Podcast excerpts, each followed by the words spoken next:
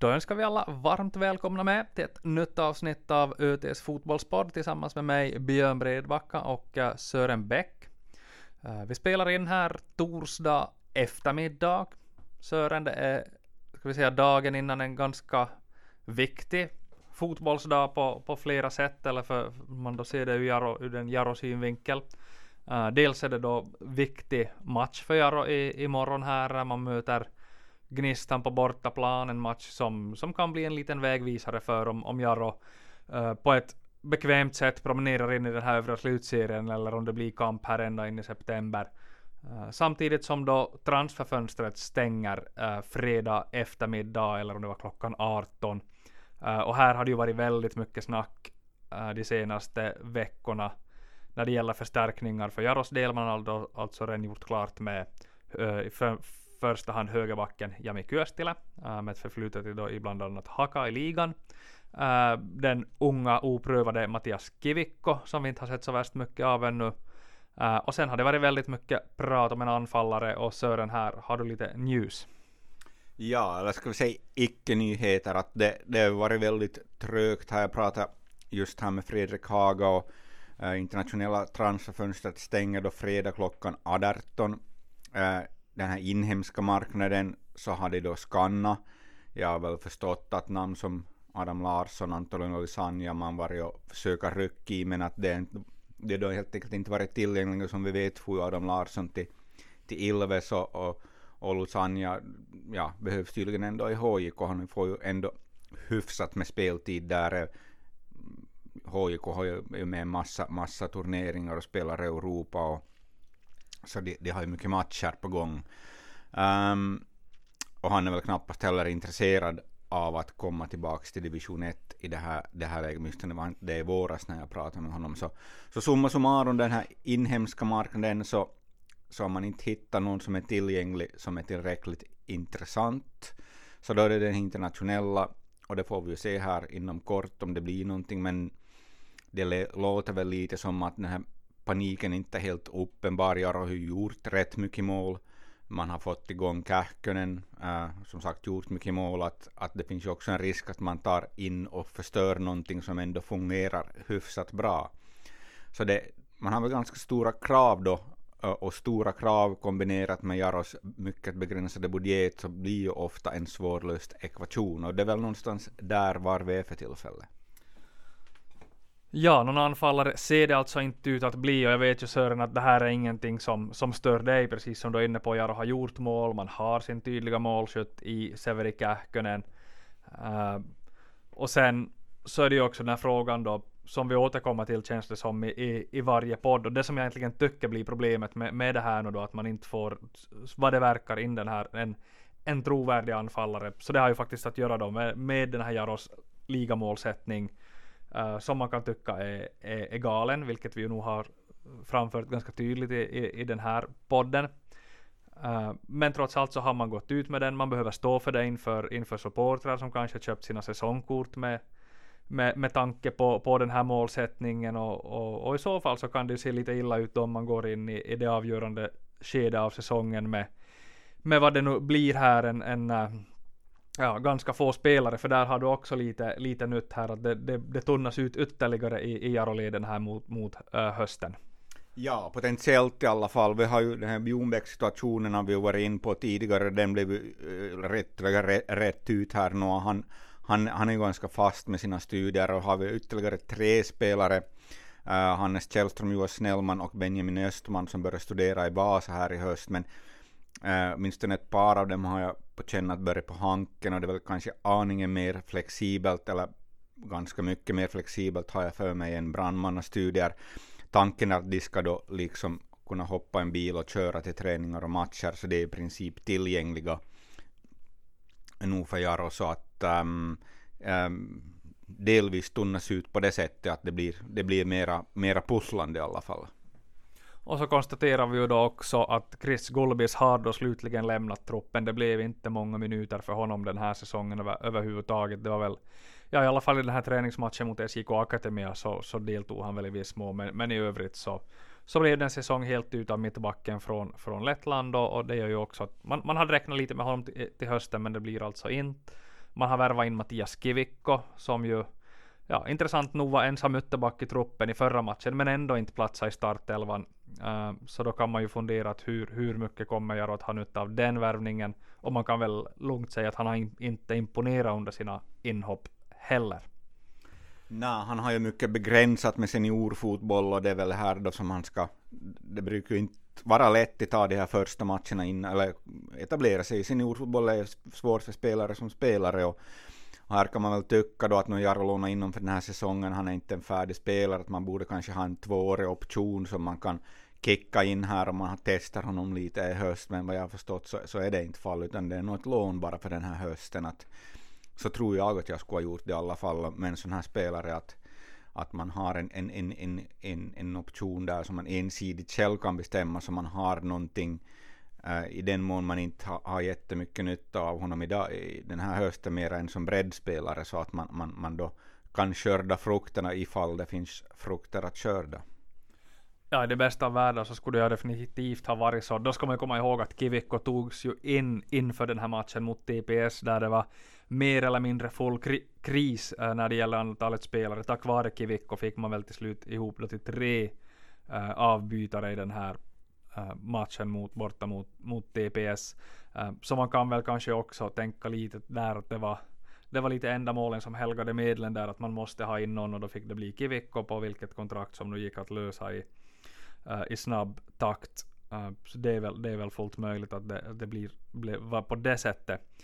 Det som väl kanske pratar, talar för ändå då att Jaro ska kunna klara den här hösten på ett hyfsat sätt med en rejält tunn trupp så är ju då att, att den här match, matchtempot så så det är ju liksom det är ett annat nu under framförallt juni, juli så var det ju nästan, ska jag säga varannan vecka så det var dubbla matcher och det var svårt att få det här rytmen äh, med, med återhämtning och, och så vidare, plus då avstängningar, skador och alla andra problem som ju, som ju tillkommer. Nu är det då en match i veckan som gäller här äh, för Jaros del resten av grundserien och så har jag också förstått att det kommer att vara huvudtanken med den här övre slutserien om nu Jaro går dit. Uh, så så då, är det, då är det en match i veckan som gäller och då är det ju betydligt enklare att, uh, att snurra dem med 15-16 utespelare som, som Jaro nu kan ha, ha till sitt förfogande Uh, snarare än om man det, det, ska börja spelas två matcher i, i veckan i något skede. Så är det. Tränare som tränare brukar föredra den här veckorytmen som, ja, att man kan ha några tuffare träningar, där, träningspass däremellan, så det inte bara blir matcher och återhämtning och möjligtvis någon taktisk träning, utan att, att man, den här veckorytmen så föredrar, framförallt då de som har tunnare trupper, vilket då måste man väl säga de flesta lag har i division 1, att sån är ju ekonomin inom den finska fotbollen. Ja, men vi kan ju konstatera i varje fall att några lag har ju lyckats förstärka offensivt, eh, eller förstärka, ska man väl inte säga ännu, det är väl för tidigt, men i alla fall ta in offensiva krafter. Noterar att Ekenäs lånar in äh, anfallaren Felipe från IFK Mariehamn, jo, har gjort en match för Ekenäs, ett mål sådär spontant så känns ju det här som att det skulle kunna vara ett, ett äh, namn för, för Jaro. Jag kan tyvärr inte mycket om Felipe, men jag vet ju att um, ja, framförallt Jimmy Varg har goda kontakter och försänkningar i FK Mariehamn, så jag skulle vara förvånad om inte han har koll på det här läget. Han känner ju den här Anström-tränaren, de spelar mot varandra, var båda lagkaptener i respektive lag. Tuffa duster där. Äh, minns väl en match när Jaro skulle ha 0-0 under Touro till exempel. Tror jag de spelade mot varann. Var det kanske 2006? Nåja, hur som helst så jag har fått den uppfattningen att, att Jimmy har ganska goda kontakter mot, mot Åland, så jag, jag antar och hoppas väl att han, han, han, han, han har gjort rätt bedömningar här i det, i det här fallet. Äh, det är ju fullt möjligt. Sen ska man komma ihåg att kontakterna mellan Ekenäs och Åland verkar också vara hyfsat goda. Där, däremellan hade, hade farit en del spelare. Uh, ett annat lag som ju har förstärkt offensivt eller skaffat nya offensiva spelare ska vi väl säga med brasklapp igen. Så är ju faktiskt då fredagens motståndare Gnistan. Som ju då blivit av med båda sina offensiva talismaner skulle jag säga. Det vill säga Lucas Moraes och äh, Douglas Kae, mål, målskytten. Äh, båda borta här Lucas Morais eller Lukinjas som han väl kallas nu för tiden till ASI Oulu och Douglas Kai på något äventyr utrikes som inte jag har full, full koll på. Uh, men de har fått in faktiskt låna in Onni Sotari, no, li, li, sådär halvt genombrott i AC Oulu den här säsongen, ung kille, ett par mål. Uh, och den gamla VPS-aren Mamadou Sarr uh, håller båda till de offensiva delarna av Gnistan och ställs säkert mot Jaro på fredag. Ja, Mamadou Sarr, löpstark spelare som försvann från VPS då när de föll. Han, han har väl fått, fått se sådär med speltid, delvis inte riktigt etablera sig, bland annat kom, då Axel Widjeskog kom in här på lån från Kups här under våromgången, så, så, så spelade ju Widjeskog betydligt mera, vill jag minnas, än Sarro och, och kanske också tog lite speltid av honom till den delen. Uh, framförallt kanske löpstark och en, en, en, en, en målskytt på det sättet skulle jag väl säga. Ja, det är ett lite annat Gnistan faktiskt än det som inledde säsongen då i och med att det skedde den här rockaden offensivt och de här två nyckelspelarna är borta och ersatt med två då som ska ta den här rollen och det kan nog vara ganska, ganska svårt. Uh, Gnistans form in, kan vi kolla lite på här inför fredagens match. Ja, den är väl sådär. Man slog Pepo senast på bortaplan, förstod att det inte var någon glimrande insats av Gnistan där genom, när man besegrade uh, jum, nästjumbon Pepo. Före det var det 0-0 hem mot SJK Akatemia innan man, före det förlorade man mot, mot Piffen i Pargas. Innan man då lite överraskande här i mitten av juli slog KTP äh, eh, hemma. Äh, men Gnistan känns oberäkneliga, man har ett sådär halvt namnstarkt lag. Jag har i vanlig ordning överskattat dem lite vad det verkar. Äh, men jag har haft jättesvårt med de här lagen som jag har räknat till de bättre lagen i serien. Tar man TPS, Kotka, Ekenäs, Gnistan så har jag inte lyckats vinna en enda match mot de här. Uh, uh, kanske det är dags imorgon. Det, det är fullt möjligt att det är väldigt som sexpoängsmatcher här nu. Jeps, Japs som, som är ett väldigt märkligt lag. Jag tycker de spelar primitiv fotboll får man väl säga. Och att de ännu kämpar om en plats över, över slutserien så, så är det lite märkligt. Det är ju också å andra sidan förstärkt här hela he, he, längs med säsongen eller förstärkt och förstärkt. Bansa tycker jag var ju det här stora löftet, HIK-löftet som aldrig har blommat ut. Jag tycker jag har sett honom på bänken också i Japs och han, hans karriär verkar ju inte vara direkt på uppåtgående. Onni Suter var vi här, pratade vi om, han är ju då nu i Gnistan och, och det här. Om jag minns rätt var det faktiskt en spelare som jag pratade med Jimmy om här i vintras någon gång. Jag tycker det är intressant, han kommer från Brahestad och det är ju sådana vårt fotbollsdistrikt går väl gränsen går väl där någonstans. Det är ju lite sådär ingenmansland. Det är sådana här rent geografiskt sådana här ställen som jag tycker jag borde vara kanske lite att sniffa i. Att, att, att hur skulle det ha varit? Men, men då, då vill jag minnas att svaret var att man söker en mera färdig anfallare än, än, än Onnoni typ. Ja exakt, Jeps har, uh, också förstärkt. Det var något annat namn som hamnade i Jeps som jag inte har direkt på, på tungan här nu. Men de har ju överraskat ändå ganska stort och inte minst efter den här tidiga 10-1 förlusten mot just Gnistan när man tänkte att det skulle bli en ganska pinsam säsong för Japp så har man ja, utmanat på allvar om en plats i den här övre uh, slutserien. Berat Köse var namnet jag sökte, den tidigare Lahti-spelaren som blev klar för Japs här bara om för, för någon dag sedan. Så att de båda lär väl vara med då när Jaro och Japs drabbar samman i Jakobstad nästa veckas lördag.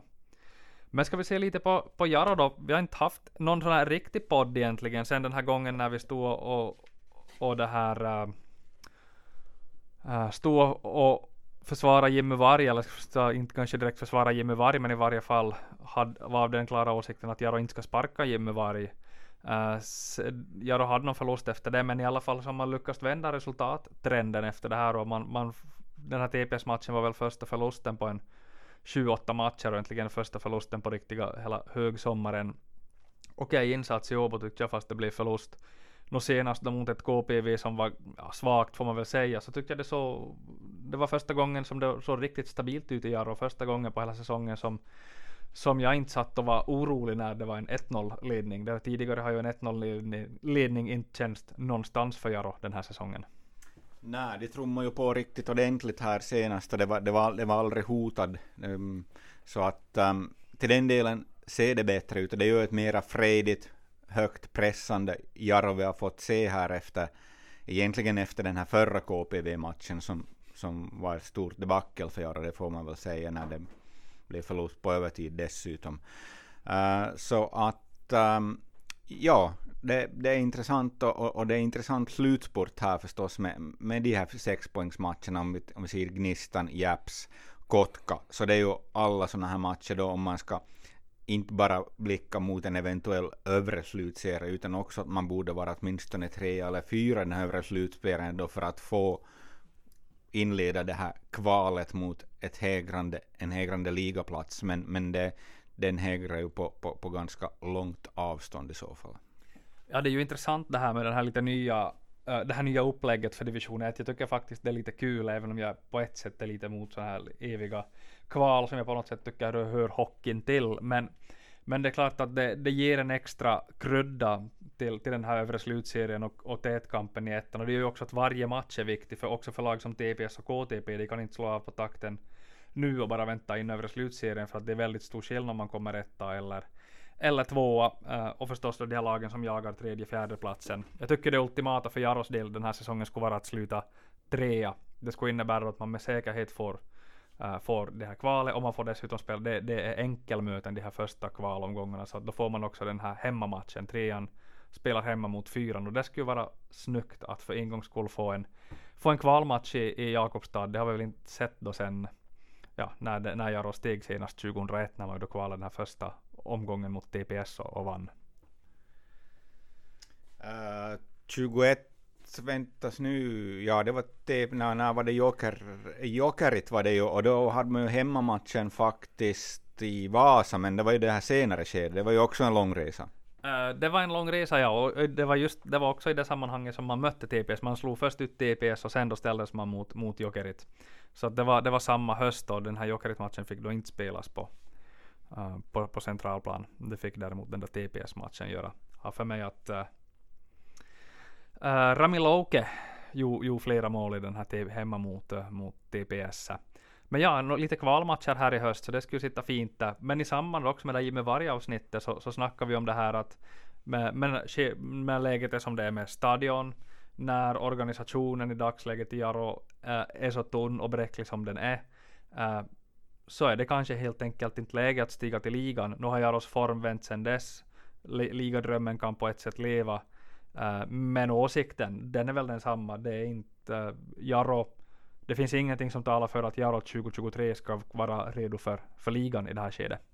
Nah, eh, uh, sen är det här steget stort när man än tar det, men i alla fall de här stora bitarna måste vara på plats. Uh, framförallt då infrastrukturfrågan med stadion som är absolut väsentlig och står ut som den absolut viktigaste faktorn.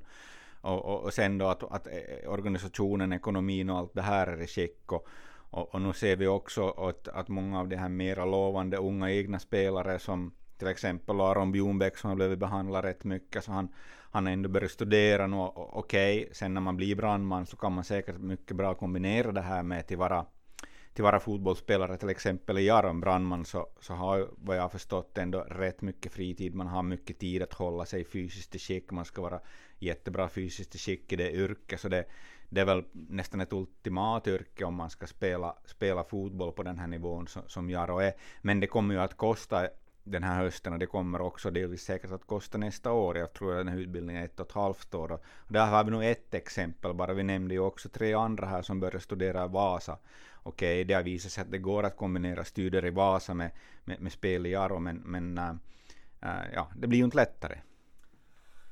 Nej, det finns mycket att jobba på i Jaro-organisationen innan, innan man kan prata om, om, om ligan på allvar, känns det som. Sen är det klart att Jaro kan snava in ligan via ett kval. Det är helt klart att, att det, det, är möjligt och då måste man ta det därifrån. Men, men precis som Sören är inne på här, säger att det kommer ett, att Jaro fixar en ligaplats här i, oktober och så två veckor senare så kommer det beslutet från förvaltningsdomstolen att det, det blir ingenting av stadionbygget. Vad händer med, med luften i föreningen då? Hur, hur mycket går den ur? Vad händer med, med, med alla satsningar och, och, och så vidare? Att det, det är väldigt viktiga frågor här. Den här stadionfrågan har vi ju lyft fram så många gånger att den är den är mer än väsentlig, den är direkt avgörande för, för Jaros framtid som elitförening.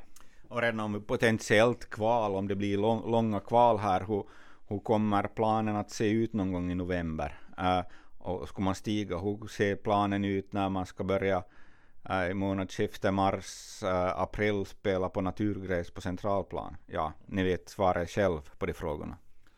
ja, man minns ju KPV som både fick inleda och avsluta sin ligasäsong i, i, i Seinejoki och det, det, det var ju inte till någon större glädje för, för någon. Uh, så kanske det här, vänta och se lite, men det är klart att som, som spelare, tränare, lagledning kan man väl inte göra annat än, än, än sitt bästa, i varje fall inte ute på, på planen så måste ju målsättningen att vara, var, vara att vinna varje match. Det är inte deras ansvar att, att se till Jaros långsiktiga uh, plan, utan göra sitt bästa här och nu. Så att blir det ligan, blir det ligan, men frågan är om det är rätt väg att gå i det här skedet. Eh, men någonting kanske då ännu om fredagens eh, match här. Det kommer ganska snabbt på. Det var i söndags som Jaro ganska enkelt då körde över KPV efter en ganska trassliga 15-20 första minuter. Uh, startelvan mot Gnistan tror du vi får se någonting som väldigt mycket liknar det vi fick se mot KPV. Ja, man brukar väl inte ändra på ett vinnande koncept, så jag tror nog att, att han ganska långt vill minimera förändringarna här. Vi har ju förstås Jami Kyöstelä då som verkar vara bra i skick, har spelat mycket minuter där i division 2. Um, ehm, han är då bekant till exempel med Bushova, viss lagkamrat i Haka med, med, med, med Kyöstilä och, och han frågar just av Jimmy, så det är som högerback i så fall, och där har vi ju en flyttbar pjäs med Adam Widjeskog som, som har spelat en rad olika roller. Att, uh, och så har vi det här med de här varningskontona då som, som, som det bollas med av och annat. Man, Jimmy försöker ganska noggrant se till att han inte får flera avstängda till samma match. Så, så det, det har vi också att ta hänsyn till här. Så att um, det är den högerbacksplatsen kanske som vi har pratat om då ganska, ganska mycket här i, i den här podden. Att, att, äh, att är det då Kyöstil eller Vidjeskog och, och var spelar Vidjeskog i så fall?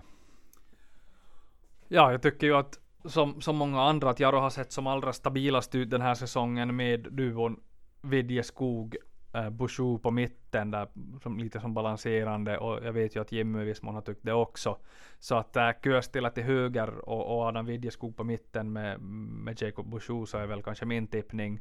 Mittförsvaret med Ramsey Brunell lär det inte, lär det inte hända någonting med och Koye startar säkert som vänsterback. Sen är då frågan, blir det någon rotation där offensivt? Uh, Joni Remesaho succé senast, de är två fina mål. Äh, Lär garanterat spela, Kähkönen spelar garanterat. Sen då finns både Tendeng och Myrevik som kan vara högaktuella för en, för en startplats för istället, istället för till exempel Antonio Hotta.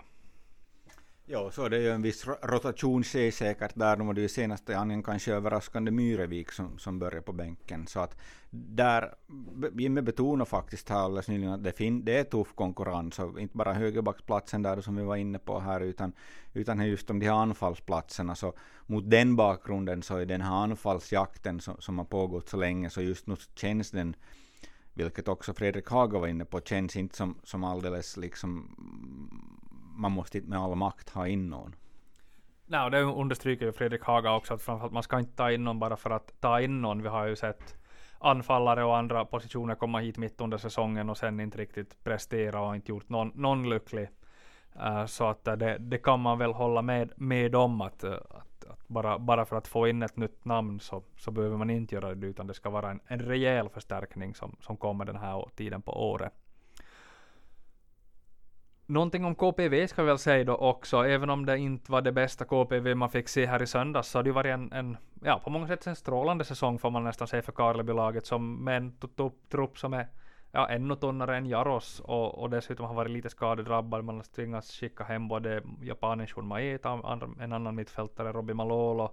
Man har vissa andra skadeproblem, men ändå så är man med och utmanar om den här övre slutserien. Man har helt okej okay med publik på på läktarna. Man har för första gången på väldigt, väldigt länge en, en större andel egna produkter i, i startelvan. Så att det tror jag är en säsong som har varit positiv för, om inte annat så i alla fall för den här KPV-identiteten. Absolut, där finns mycket positivt att ta, ta fasta på. Aningen överraskande här, för jag frågade direkt av Son, Christian tränaren efter matchen, om det blir, blir det några förstärkningar inför, inför transfer deadline, och han var ju svarar ju, svarar ju nej på den frågan, men det dröjde inte många dagar så har man tydligen hittat budgetmedel då för Ismail Jartey som var, var bra i KPV på den, vid den här, i det förra ligåret. Um, ehm, Sen, sen var han väl i, var det 2019, och sen var det i Saudiarabien, var i Haka i fjol, inte en helt lysande säsong. Um, Okej, okay, en 32-årig ytter som har levt på sin snabbhet så kanske är på, på väg neråt, men, men och kanske hade svårt att hitta en klubb efter fjolårets hackaår, men mm, till den delen säkert var mycket mer förmånlig än han var förra gången i KPV, men kan ändå bli en, en, en, en bra förstärkning här under den här division 1-hösten. Och, och sen har det väl varit, mm, ja, kom åtminstone åt mig uppgifter och rykten om, om, om ukrainare och, och, och annat som, som, som testas, så att ähm, vi får se om, om det händer ytterligare saker här i KPV mm, på mycket kort tid. Det sista vi gör här är att vi slänger ett öga på tabellen och, och konstaterar att uh, det är svårt att se att TPS, KTP ska tappa den här första och andra platsen i, i den här serien, varken nu eller sen i övre slutserien. Uh, det är ganska stort försprång och de tappar inte speciellt många poäng och, och, det känns som att alla som är efter tappar sina poäng här och var. Så att uh, det, det, är, eh, ja, det är ganska långt upp. Det är nio poäng upp till både, både TPS och KTP om, om nu Kotka vinner sin, sin överloppsmatch här som man, man har spelat en match mindre än de övriga. Uh, sen är det då Jaro, Gnistan, Japs, KPV och Ekenäs som de fem lagen som gör upp om, om fyra platser i den övre slutserien. Och, eh, uh, och det är klart att SJK Akademia kan blanda sig i det men deras form tyder väl inte på det. Uh, om du skulle ge dig på en gissning i det här skedet Sören, vilket av de här lagen missar övre slutserien? Då säger jag såklart Japs missar det, så, så då, då, det där, då kom, vilket betyder att både Jaro och KPV ska vara i övre slutserien. Ja, och igen, då får man väl egentligen säga att man har den. Även om, om den här ettan har varit oväntad på många sätt så då står man till sist där med, med i princip alla de här tippade lagen i den övre slutserien. Jag tror faktiskt att tar jag till mitt försäsongstips så har jag sex av sex i övre slutserien. Lite felaktiga positioner men ändock. Men vi får väl se hur det blir då och hur, hur det till exempel blir med KPV, hur är deras form här på hösten. Kan de höja sig efter den här Jaro-matchen, annars kan de leva farligt.